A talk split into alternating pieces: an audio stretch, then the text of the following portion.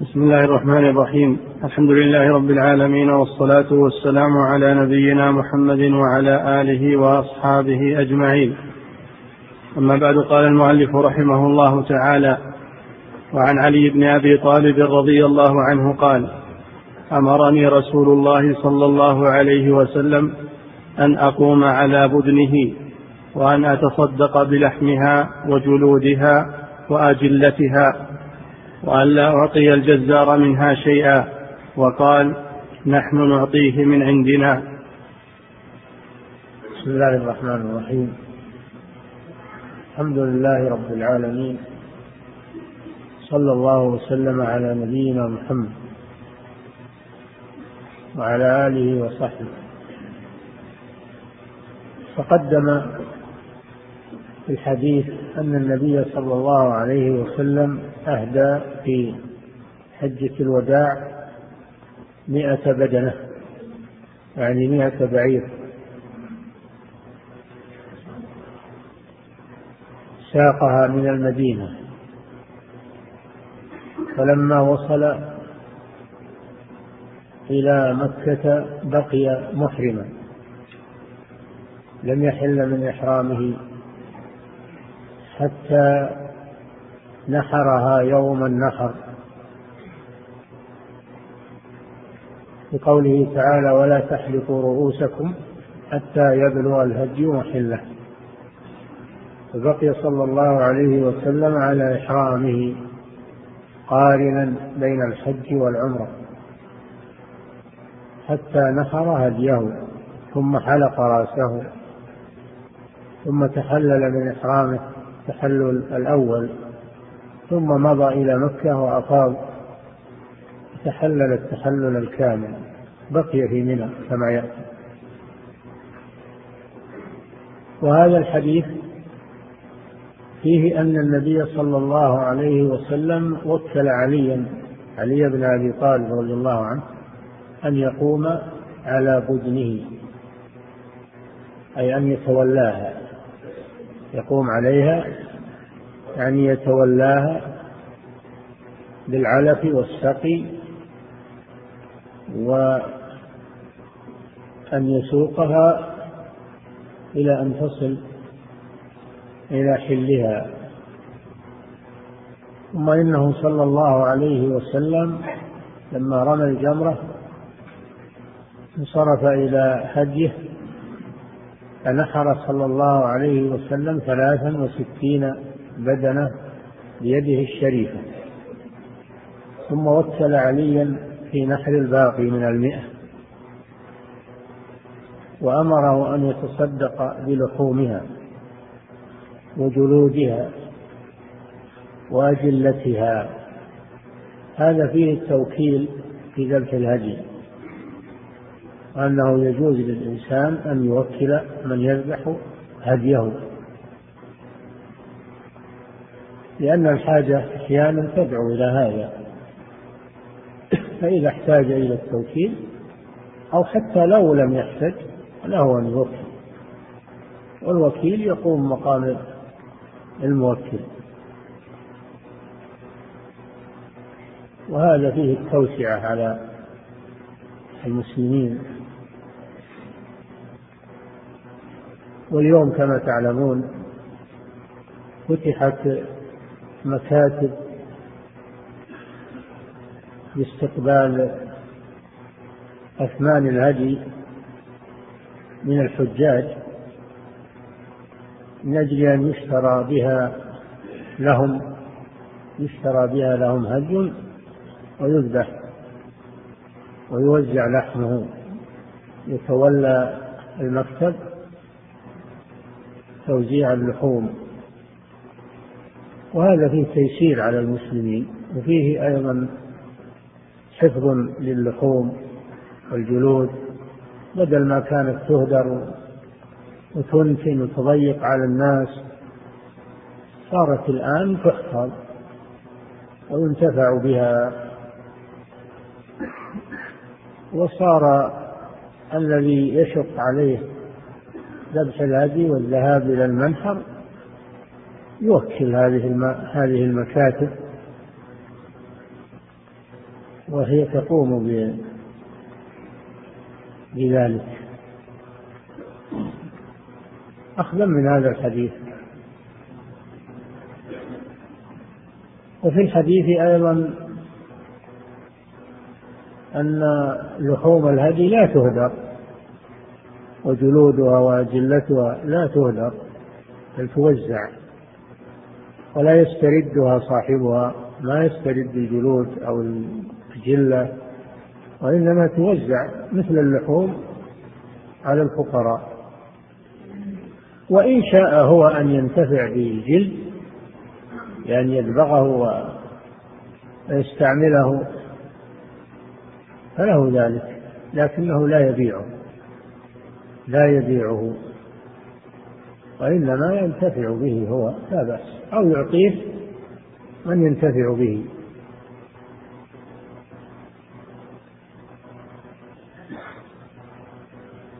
وفيه أن لحوم الهدي لا تهدر وتضيع لأنه ليس المقصود الذبح فقط. المقصود الذبح هو الانتفاع التوسع بلحوم الهدي.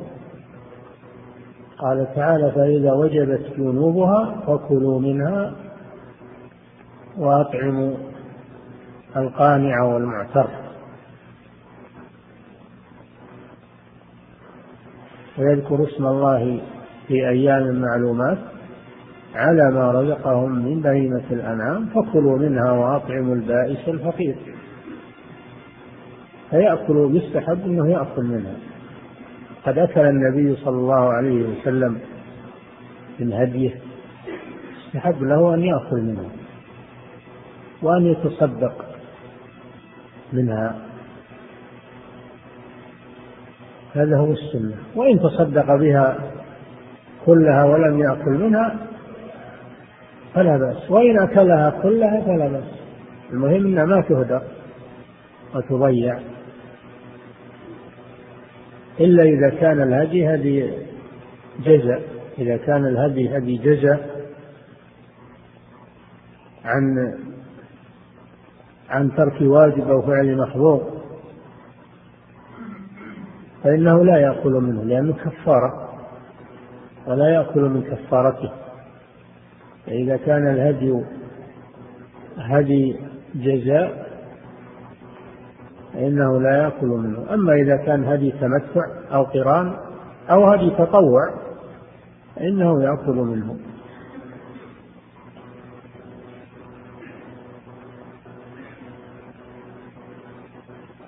وفي الحديث أن الجزار لا يعطى أجرته من لحوم الهدي. لا يعطى أجرته من لحوم لو وجرت جزار يذبح لك الهدي لا تعطيه أجرته من لحمها. ولا من جلوده. وإنما يعطى أجرته من غير الهدي. لئلا يكون لحم الهدي معاوضة وهو في حكم البيع. إذا أعطاه أجرته منها فهذا في حكم البيع. فلا يجوز. ونهى عنه النبي صلى الله عليه وسلم. أما أنه يعطيه أجرته ويعطيه زيادة على ذلك تصدقا عليه فلا بأس. إذا أعطاه من لحمها من باب الصدقة لا من باب الأجرة فلا بأس بذلك لأنه واحد من المحتاجين يعطى من لحمه. وقيل لا يعطيه حتى ولو كان فقيرا لئلا يتخذ هذا وسيلة. وحديث وحديث لا يعطى الجزار هذا عام. في المحتاج وغير المحتاج. ولكن الصحيح إن شاء الله أنه إذا أعطي زيادة على أجرته من باب إنه محتاج فلا بأس بذلك. نعم. وألا, وألا أعطي الجزار منها شيئا وقال نحن نعطيه من عندنا. يعني الأجرة. نعطيه الأجرة من عندنا من غير الهدي. نعم. وعن زياد بن جبير قال رأيت ابن عمر أتى على رجل قد قد أناخ بدنته فنحرها فقال ابعثها قياما مقيدة سنة محمد صلى الله عليه وسلم. هذا فيه كيفية ذبح الهدي. الإبل تنحر. والبقر والغنم تذبح. والنحر يكون في اللبة. يكون في اللبة. في أسفل رقبة البعير. في أسفل رقبة البعير. في الوهدة التي بين النحر والعنق. وهدة محل للذبح مجمع العروق. وأما البقر فإنها تذبح في حلوقها والغنم كذلك تذبح في حلوقها. فالإبل تنحر والبقر والأغنام تذبح. إن الله يأمركم أن تذبحوا بقرة تذبح البقرة في حلقها. الإبل تنحر وهي قائمة. معقولة يدها اليسرى لأن هذا أسهل لخروج الدم وأسرع في موتها. ولا تنحر وهي باركة أو معقولة. هذا هو السنة. ولهذا لما رأى ابن عمر رضي الله تعالى عنهما رجلا ينحر بدنته يعني بعيره الهدي ينحر الهدي حتى غير الهدي حتى في غير الهدي فالإبل تنحر في دائما في هدي وفي غيره. وهذا هو الطريقة الشرعية المستحبة. وهذا كما في قوله تعالى فاذكروا فاذكروا اسم الله عليها. نعم. صوافة صوافة يعني قائمة صافة رجليها. قائمة صافة رجليها على قوائمها. وفي قراءة تذكر اسم الله عليها صواف صوافن صوافن بمعنى معقولة يدها. وتكون قائمة على ثلاث مثل الفرس الصافن. الفرس إذا وقفت ترفع ترفع يدها صوافن الصافنات الجياد. وقوله صوافن يعني معقولة إحدى قوائمها. وفي قراءة صوافية أذكر اسم الله عليها صوافية يعني صافية النيات والمقاصد في ذبحها. الشاهد من قول الصواف أو صواف لأنها تنحر قائمة معقولة يدها اليسرى من أجل ألا تهرب تعقل من أجل ألا تهرب. وذبحها قائمة أسهل عليها من ذبحها وهي باركة لأن الدم يخرج بسرعة ويكون أسرع لموتها من ذبحها وهي باركة على الأرض. فإذا وجبت جنوبها وجبت يعني سقطت هذا دليل على أنها واقفة. فإذا وجبت جنوبها يعني سقطت على الأرض لأن الوجبة والوجوب معناها السقوط. فكلوا منها. يعني ما يشرع في قطع تقطيعها حتى حتى تخرج روحها. ما تقطع وهي لم تمت. وتبرد ينتظر حتى تبرد تخرج روحها.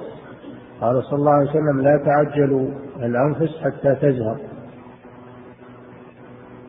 فإذا وجبت جنوبها يعني سقطت على الأرض ميتة فكلوا منها. هذا فيه أن السنة أن تنحر الإبل قائمة مقولة يدها اليسرى. وفيه تعليم الجاهل الحديث تعليم الجاهل فإن ابن عمر رضي الله عنه قال لهذا الرجل ابعثها من قيام سنة أبي القاسم سنة أبي القاسم صلى الله عليه وسلم. وفي الحديث دليل على أن الصحابي إذا قال سنة السنة كذا إذا قال الصحابي السنة كذا هذا له حكم الرفع إلى الرسول صلى الله عليه وسلم. إذا قال من السنة كذا أو السنة كذا أو أمرنا بكذا أو نهينا عن كذا هذه لها حكم الرفع عند أهل العلم. وأما البقر والغنم فإنها ترجع على جنبها الأيسر موجهة إلى القبلة ويذبحها في حلوقها على الأرض بيده اليمنى. نعم. باب الغسل للمحرم عن نعم. المحرم يجوز له أن يغتسل وهو محرم. يجوز له أن يغتسل وهو محرم للتبرد أو للتنظف أو المرأة الحائض والنفساء إذا طهرت وهي محرمة تغتسل. اغتسال الواجب والاغتسال المستحب. فالمحرم يجوز له أن يغتسل. وأن يخلع ثياب الإحرام ويغتسل ثم يعيدها. ويجوز له أن يستبدلها بغيرها. الأمر واسع في هذا. وليس المراد الاغتسال عند الإحرام. مراد الاغتسال بعد الإحرام. لأنه قد يطول عليه الوقت. هو مثل وقتنا هذا. في في في, في الزمان السابق. كانوا يحرمون يأخذون الأيام وهم في الطريق. يأخذون الأيام في الطريق يحصل عليهم عرق وغبار فيحتاجون إلى الاغتسال. أما الآن يمكن تغتسل بالمشرق وتصل إلى مكة وتعتمر وأنت حديث العهد بالاغتسال بسبب سرعة النقل. أما ذاك الوقت فكان النقل على الإبل وعلى الأقدام فكانوا يعرقون وكانوا آه، يغبرون وكانوا يحتاجون إلى يصيبهم الحر ولف الهجير ويحتاجون إلى الاغتسال للتبرد أو الاغتسال للتنظف أو حتى الاغتسال إذا إذا احتلم.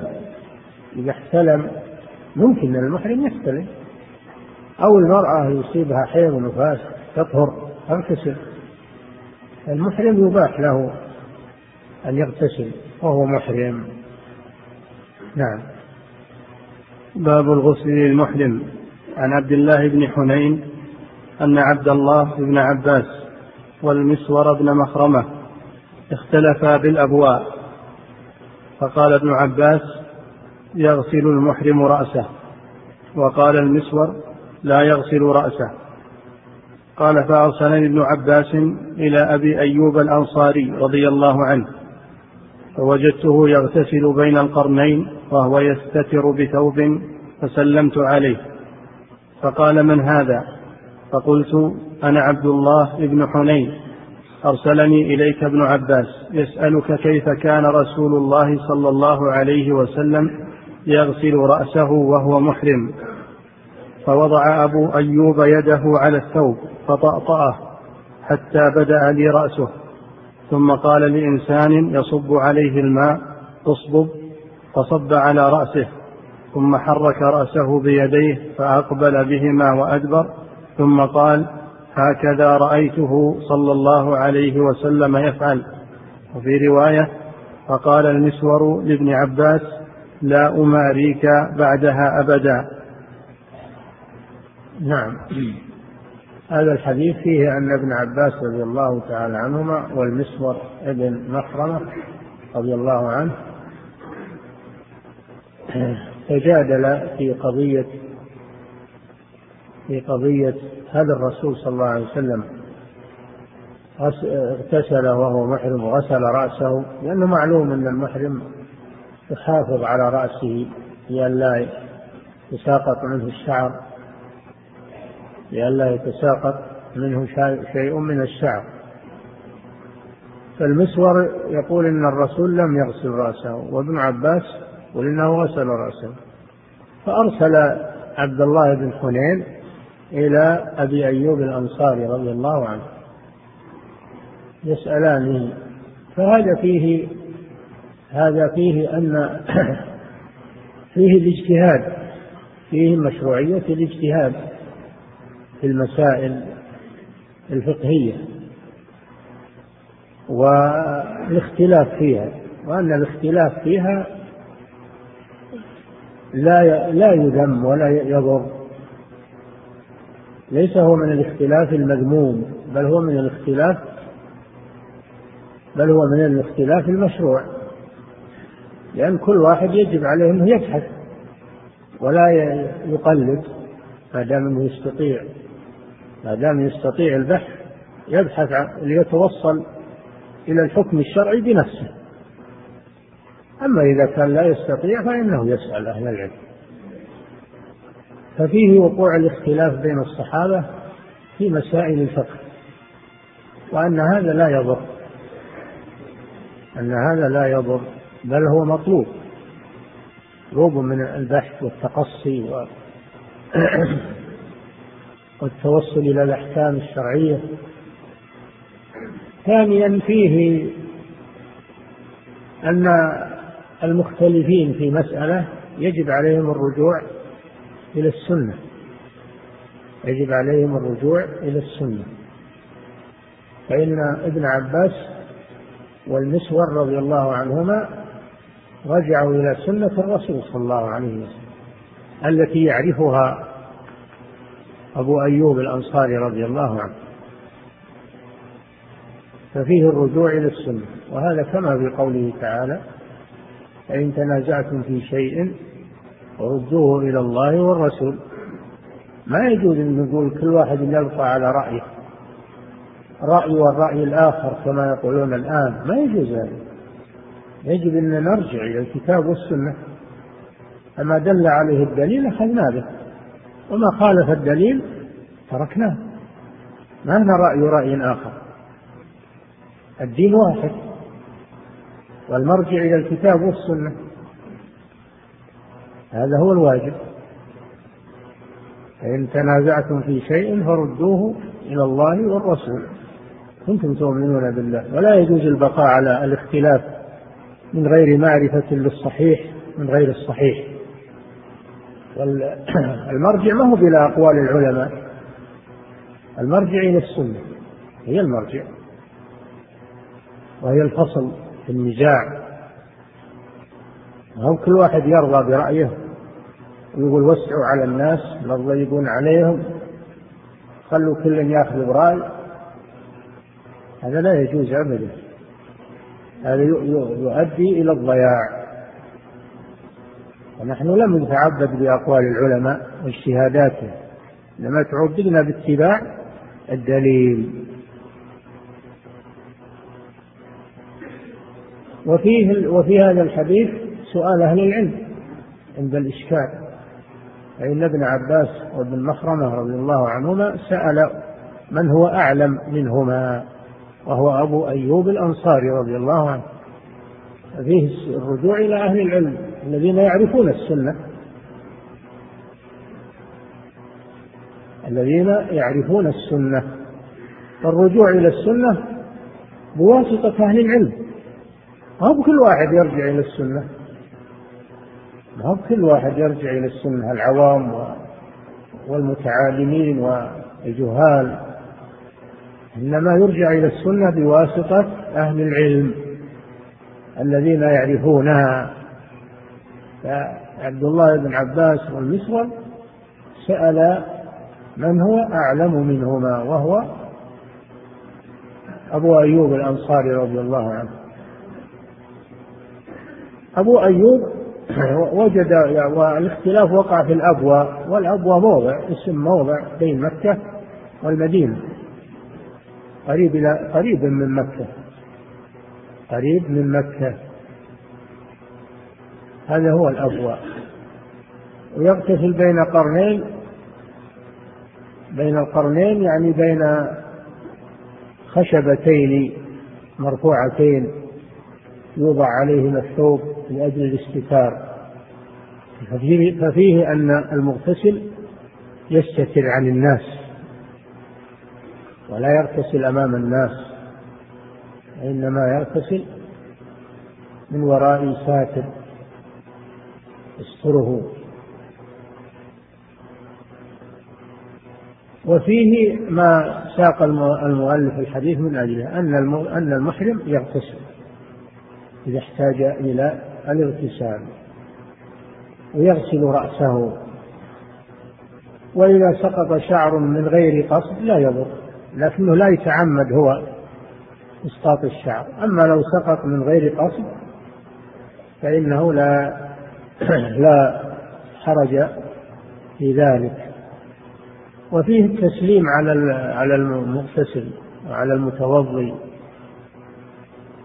لأنه يسلم على الذي يتطهر أو يغتسل وإنما الممنوع أنه يسلم على من يقضي حاجته. على من يتبول أو يتغوط لا يجوز السلام حتى يفرغ أما الذي يغتسل فلا مانع. أنه يسلم يسلم عليه. وفيه التعليم بالفعل فإن ابن النسوة فإن أبا أيوب رضي الله عنه علم علم هذا الحكم وهو غسل رأس المحرم علمه بالفعل فأظهر رأسه رضي الله عنه. وجعل وأمر من يصب عليه الماء وهو يفركه يفرك رأسه ليتبلغ بالماء أقبل بيديه على رأسه وأدبر ثم ردهما من أجل أن يتبلغ بالماء. ففيه التعليم بالفعل. لأن التعليم بالفعل أبلغ من التعليم بالقول. وفي قول المسور لا أماريك بعدها دليل على الاعتراف بفضل العالم. فيه دليل على الاعتراف بفضل العالم. والتنازل عن الرأي. إذا تبين الحق فإن المسور تنازل عن رأيه. ما يقال الرأي الآخر كل له رأيه لا. الرأي هو ما دل عليه الدليل. والمخالف يرجع. إلى الصواب.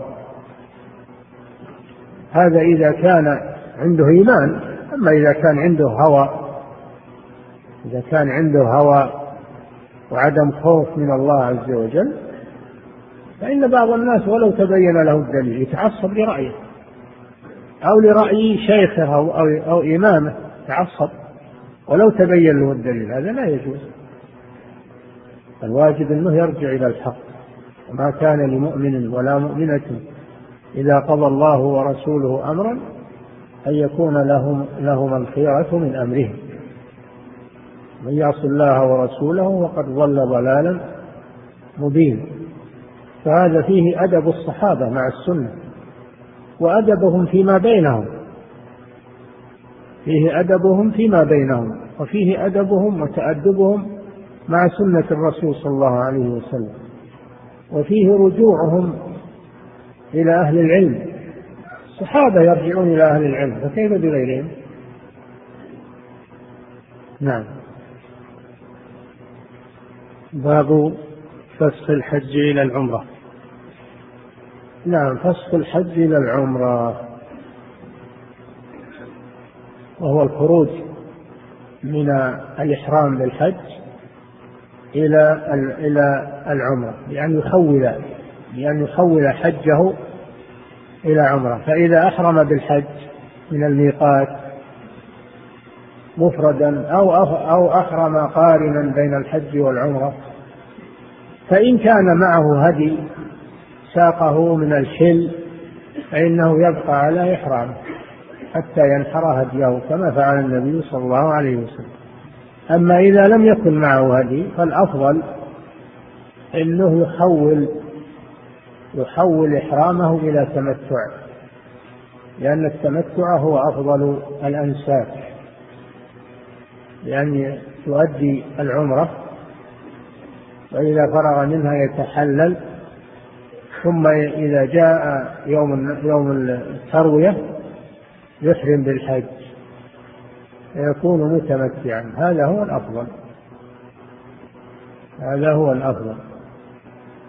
نعم. باب فسخ الحج إلى العمرة. عن جابر بن عبد الله رضي الله عنهما قال أهل النبي صلى الله عليه وسلم وأصحابه بالحج وليس معهم أح وليس مع أحد منهم هدي غير النبي صلى الله عليه وسلم وطلحة.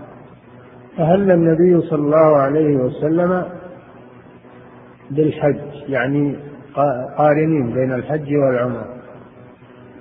قارنين بين الحج والعمرة. ومنهم من أحرم بالحج مفردا. منهم من أحرم بين بالحج مفردا. وكانوا على قسمين. قسم ساق معه الهدي وقسم ليس معه هدي والذين معهم الهدي هم الرسول صلى الله عليه وسلم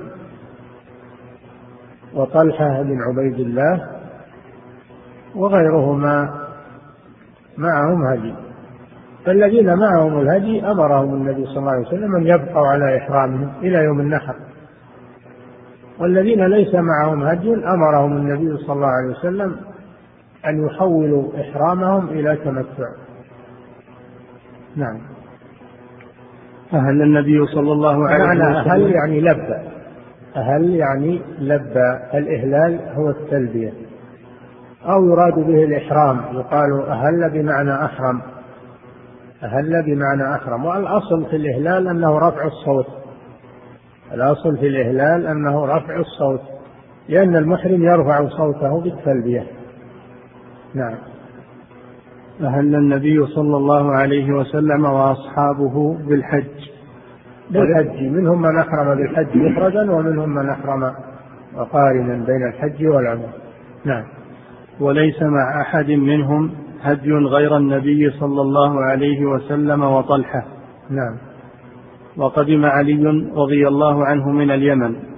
فقال أهللت بما أهل به النبي صلى الله عليه وسلم. كان كان النبي صلى الله عليه وسلم أرسل عليا إلى اليمن. أرسل عليا إلى اليمن ليأتي بالزكوات والجزية من اليمن. فجاء علي من اليمن ولحق بالنبي صلى الله عليه وسلم بعدما أحرم النبي صلى الله عليه وسلم. فقال أهللت بما أهل به رسول الله. هذا فيه فيه دليل على جواز أن الإنسان يحرم بمثل ما أحرم به فلان. ويكون حكمه حكم. الذي علق إحرامه على إحرامه. إن كان متمتعا أو قارنا أو مفردا يكون مثله. لأن عليا أحرم بمثل ما أحرم به النبي صلى الله عليه وسلم. فيجوز أن تقول أحرمت بما أحرم به فلان. ثم تسأل عن فلان ماذا أحرم به وتمشي مثله. ولو أن الحجاج جاءوا مثلا على الميقات أكثرهم عوام ما يدرون. فأحرموا جميعا فيهم علماء وفيهم طلبة علم والعوام تبع للعلماء لو ما عرفوا شيء. يحرمون مع الناس حكمهم حكم الناس. حكمهم حكم الناس. نعم. هذا فيه توسعة. فيه توسعة على المسلمين. لأن ما كل الحجاج يعرفون ولا. لكن تمشي معهم وتحرم وتعمل مثل ما يعملون. ويكون حجك صحيح. نعم. فقال أهللت بما أهل به النبي صلى الله عليه وسلم. فأمر النبي صلى الله عليه وسلم أصحابه أن يجعلوها عمرة. لما قدموا إلى مكة وطافوا وسعوا أمرهم النبي صلى الله عليه وسلم الذين ليس معهم هدي أمرهم أن يحلقوا رؤوسهم وأن يكملوا عمرتهم. وكان هذا شيء لم يعتادوه لم يعتادوا فسخ الحج إلى العمرة. هذا أمرهم به النبي صلى الله عليه وسلم. فحصل عندهم إشكال هل هل المراد أنهم يتحللون التحلل الكامل؟ أو التحلل الأول التحلل الكامل الذي فيه وطئ النساء أو التحلل الأول الذي ليس فيه وطئ النساء. فقال النبي صلى الله عليه وسلم الحل كله الحل كله. نعم. فأمر النبي صلى الله عليه وسلم أصحابه أن يجعلوها عمرة فيطوفوا ثم يقصروا ويحلوا. نعم. إلا من كان معه الهدي. إلا من كان ساق الهدي من الحل فإنه يبقى على إحرامه. ومنهم النبي صلى الله عليه وسلم. نعم. فقالوا ننطلق إلى منى وذكر أحدنا يقطر. استغربوا يعني استغربوا لما أمرهم النبي صلى الله عليه وسلم بالتحلل. فهم من عادتهم أنهم يتحللون من الحج ويحولونه إلى عمرة. ليس هذا هذا الشيء لم يألفوه. ولذلك قالوا حتى أن نطأ النساء بعد العمرة فالنبي صلى الله عليه وسلم أجاز لهم هذا. قال الحل كله. يذهب أحدنا إلى منى وذكره يطهر يعني كناية عن مواطأة النساء بعد العمرة استغراب منهم. نعم. فبلغ ذلك النبي صلى الله عليه وسلم. بلغ النبي صلى الله عليه وسلم ما حصل لهم من من التردد والاستغراب. فأراد أن يزيل فأراد صلى الله عليه وسلم أن يزيل هذا الاستغراب وهذا التردد. نعم. فبلغ ذلك النبي صلى الله عليه وسلم فقال لو استقبلت من أمري ما استدبرت ما أهديت ولولا أن معي الهدي لأحللت نعم. أراد صلى الله عليه وسلم أن يطيب خواطرهم وأن ما أمرهم به هو الأفضل وهو, وهو التمتع وأنه أفضل من القران وأفضل من الإفراد. وتمنى صلى الله عليه وسلم أن أنه لم يسق الهدي حتى حتى يتمتع بالعمرة إلى الحج. تمنى ذلك ولكن منعه سوق الهدي. عملا بقوله تعالى ولا تحلقوا رؤوسكم حتى يبلغ الهدي محله. الرسول صلى الله عليه وسلم طمأنهم في ما حصل لهم وهم يرون الرسول لم يتحلل. يرون الرسول لم يتحلل وهم يتحللون أشكل ذلك عليهم. فبين لهم صلى الله عليه وسلم أنه لم يبقى على إحرامه من أجل أن القران أفضل أو أو الإفراد أفضل لم يبقى على ذلك من أجل أنه أفضل. لكن بقي من أجل سوق الهدي وإلا فالتمتع أفضل. أفضل من القران وسوق الهدي.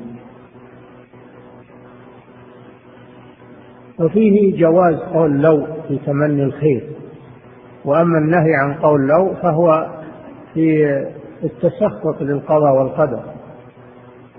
يعني أمور الدنيا ما تقول لو أني فعلت كان كذا وكذا. أما أمور الدين يجوز أنك تقول ليتي فعلت كذا؟ لو أني فعلت كذا من باب التأسف على فوات الخير والأفضل ففيه جواز لو إذا كان في تمني الخير.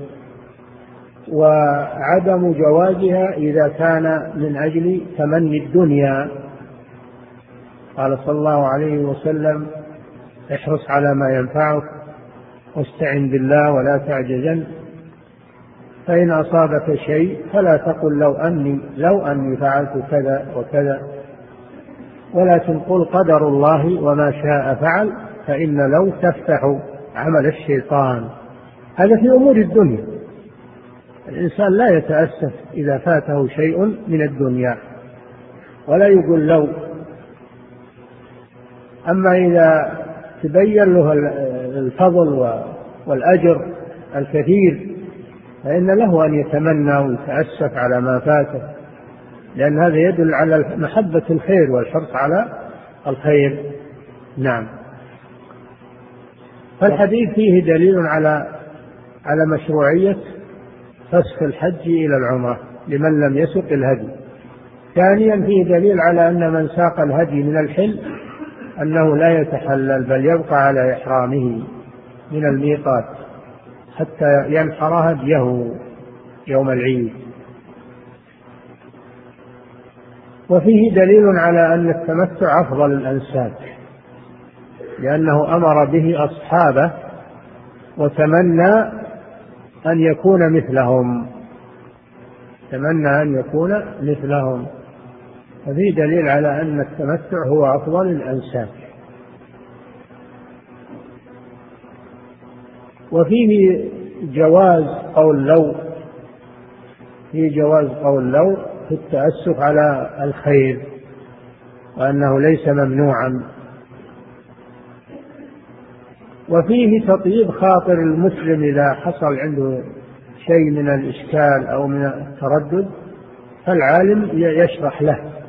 العالم يشرح له ويزيل ما ما في ذهنه. نعم. فقال لو استقبلت من أمري ما استدبرت ما أهديت ولولا أن معي الهدي ولولا أن معي الهدي لأحللت. نعم. وحاضت عائشة. فنسكت المناسك كلها غير أنها لم تطف بالبيت. نعم وهذا فيه دليل على أن المحرمة المرأة المحرمة إذا حاضت المرأة المحرمة إذا حاضت فإنها تنتظر ولا تؤدي العمرة تبقى في إحرامها ولا تطوف ولا تؤدي العمرة فإن أمكنها أن تطهر قبل الحج وتؤدي العمرة تكون متمتعة فإنها تفعل ذلك. أما إذا دخل عليها وقت الحج جاء الوقوف بعرفة وهي لم تطهر فإنها تحرم بالحج وتدخله على العمرة وتصير قارنة. بدل أن كانت متمتعة تكون قارنة. هذا الذي حصل لعائشة رضي الله عنها فإنها أحرمت متمتعة. فنزل عليها الدم ولما نزل عليها الدم أصابها الندم والبكاء. فالنبي صلى الله عليه وسلم قال لها هذا شيء قد كتبه الله على بنات آدم ولكن افعلي ما يفعل الحاج غير أن لا تطوفي بالبيت حتى تطهري. الحائض تفعل المناسك تقف بعرفة تبيت في مزدلفة ترمي الجمار وهي حائض أما الطواف فإنها تؤخره إلى أن تطهر. هذا إذا أصابها الحيض في أثناء الإحرام. أو أصابها الحيض قبل أن تحرم فإنها تحرم وهي حائض فإن اتسع لها الوقت في أداء العمرة قبل الحج تؤديها. وإلا تحرم بالحج وتدخلها على العمرة تصير قارنة. لأن بعض الناس إذا حاضت معهم النساء ما يخلونهم يحرموا هذا من الجهل. تحرم وهي حائض. الإحرام لا يشترط له الطهارة. تحرم وهي حائض. لأن أسماء بنت عميس رضي الله عنها ولدت في ذي الحليفة. ولدت ذي الحليفة وأصابها النفاس. فأمرها النبي صلى الله عليه وسلم أن تستسر بثوب وأن تحرم. فالحيض والنفاس لا يمنعان الإحرام. بل تحرم وهي حائض وهي نفساء. أو أحرمت وهي طاهر ثم حاضت تستمر على إحرامها. يعني بعض الناس إذا من حاضت يحللها من إحرامها ويمشي يقول خلاص.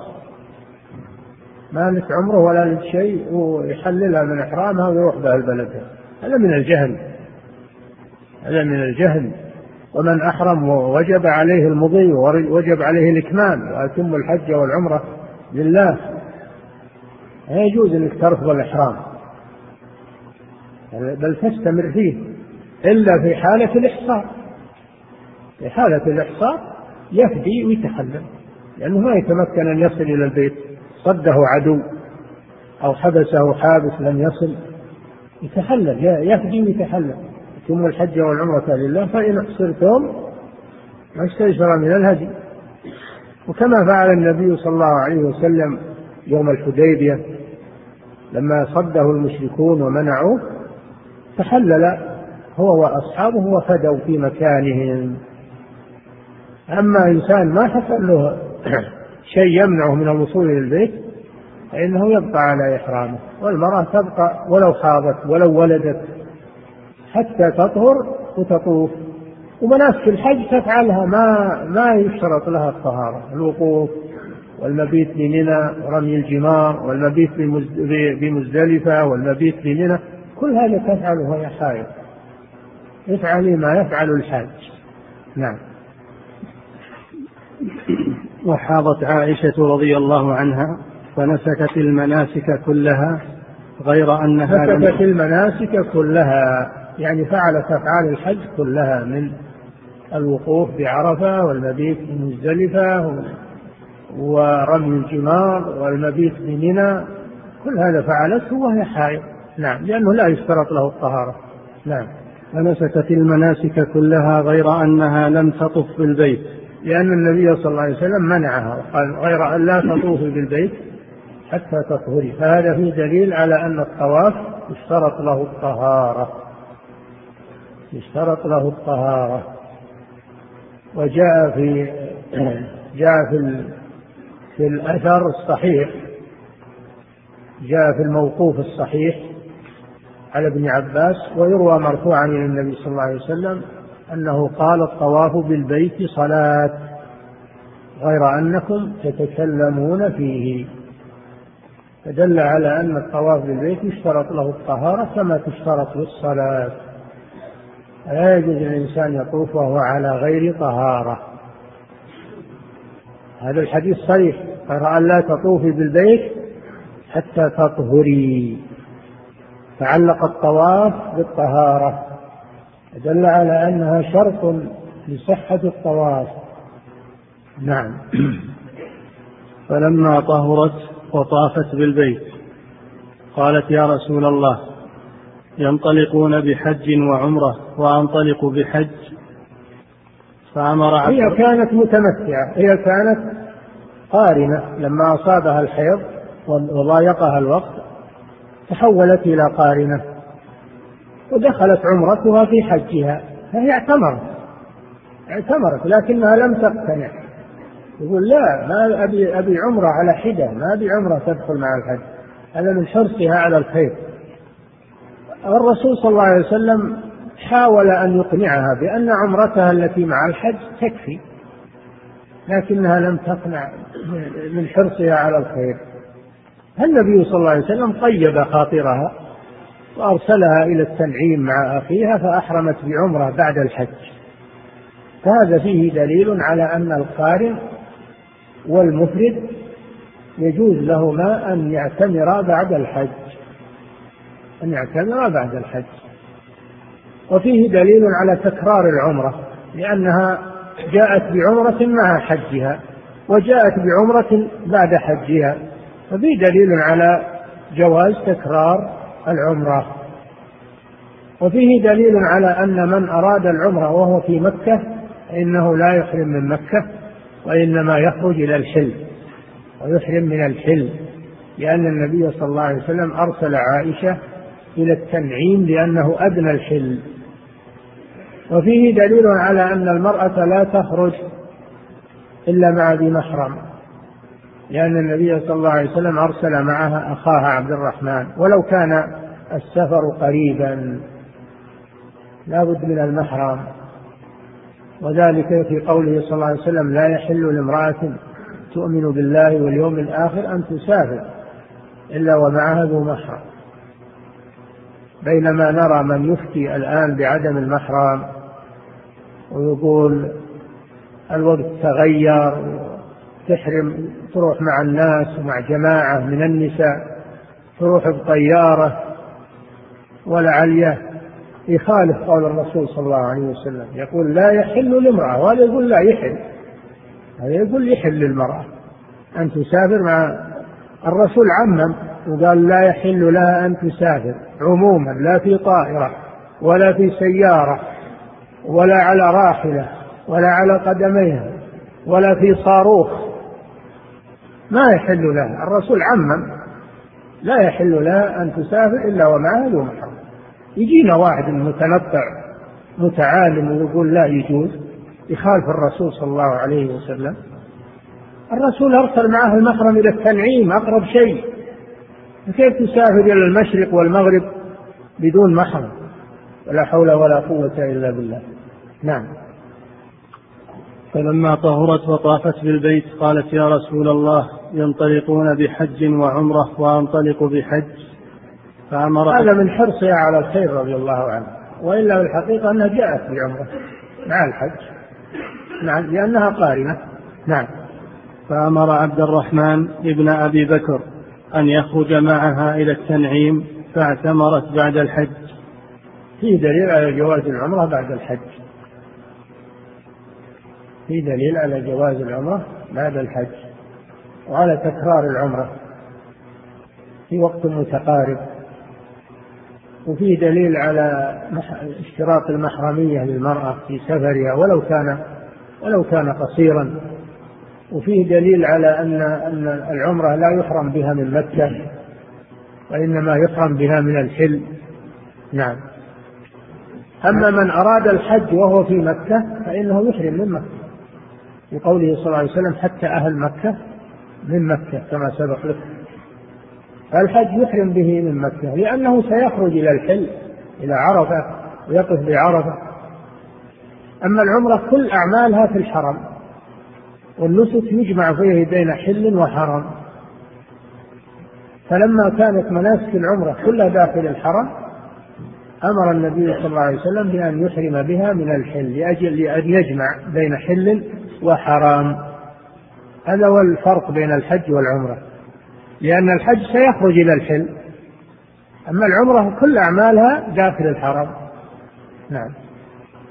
عن جابر رضي الله عنه قال قدمنا مع رسول الله صلى الله عليه وسلم ونحن نقول لبيك بالحج. فأمرنا رسول الله صلى الله عليه وسلم فجعلناها عمرة. نعم هذا حديث ابن عباس.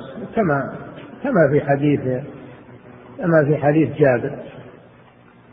في أن من أحرم متمتعا أو قارنا من أحرم مفردا أو قارنا وليس معه هدي أن السنة أن يحوله إلى إلى تمتع أن يسقه إلى تمتع. هذا هو الأفضل. وبعض العلماء يقول هذا واجب. هذا واجب لأمر الرسول صلى الله عليه وسلم بذلك تأكيد على ذلك. ولكن الصحيح أنه سنة ليس بواجب. نعم. وعن عبد الله بن عباس رضي الله عنهما قال قدم رسول الله صلى الله عليه وسلم وأصحابه صبيحة رابعة فأمرهم أن يجعلوها عمرة. فقالوا يا رسول الله قدم النبي صلى الله عليه وسلم صبيحة رابعة من ذي الحجة.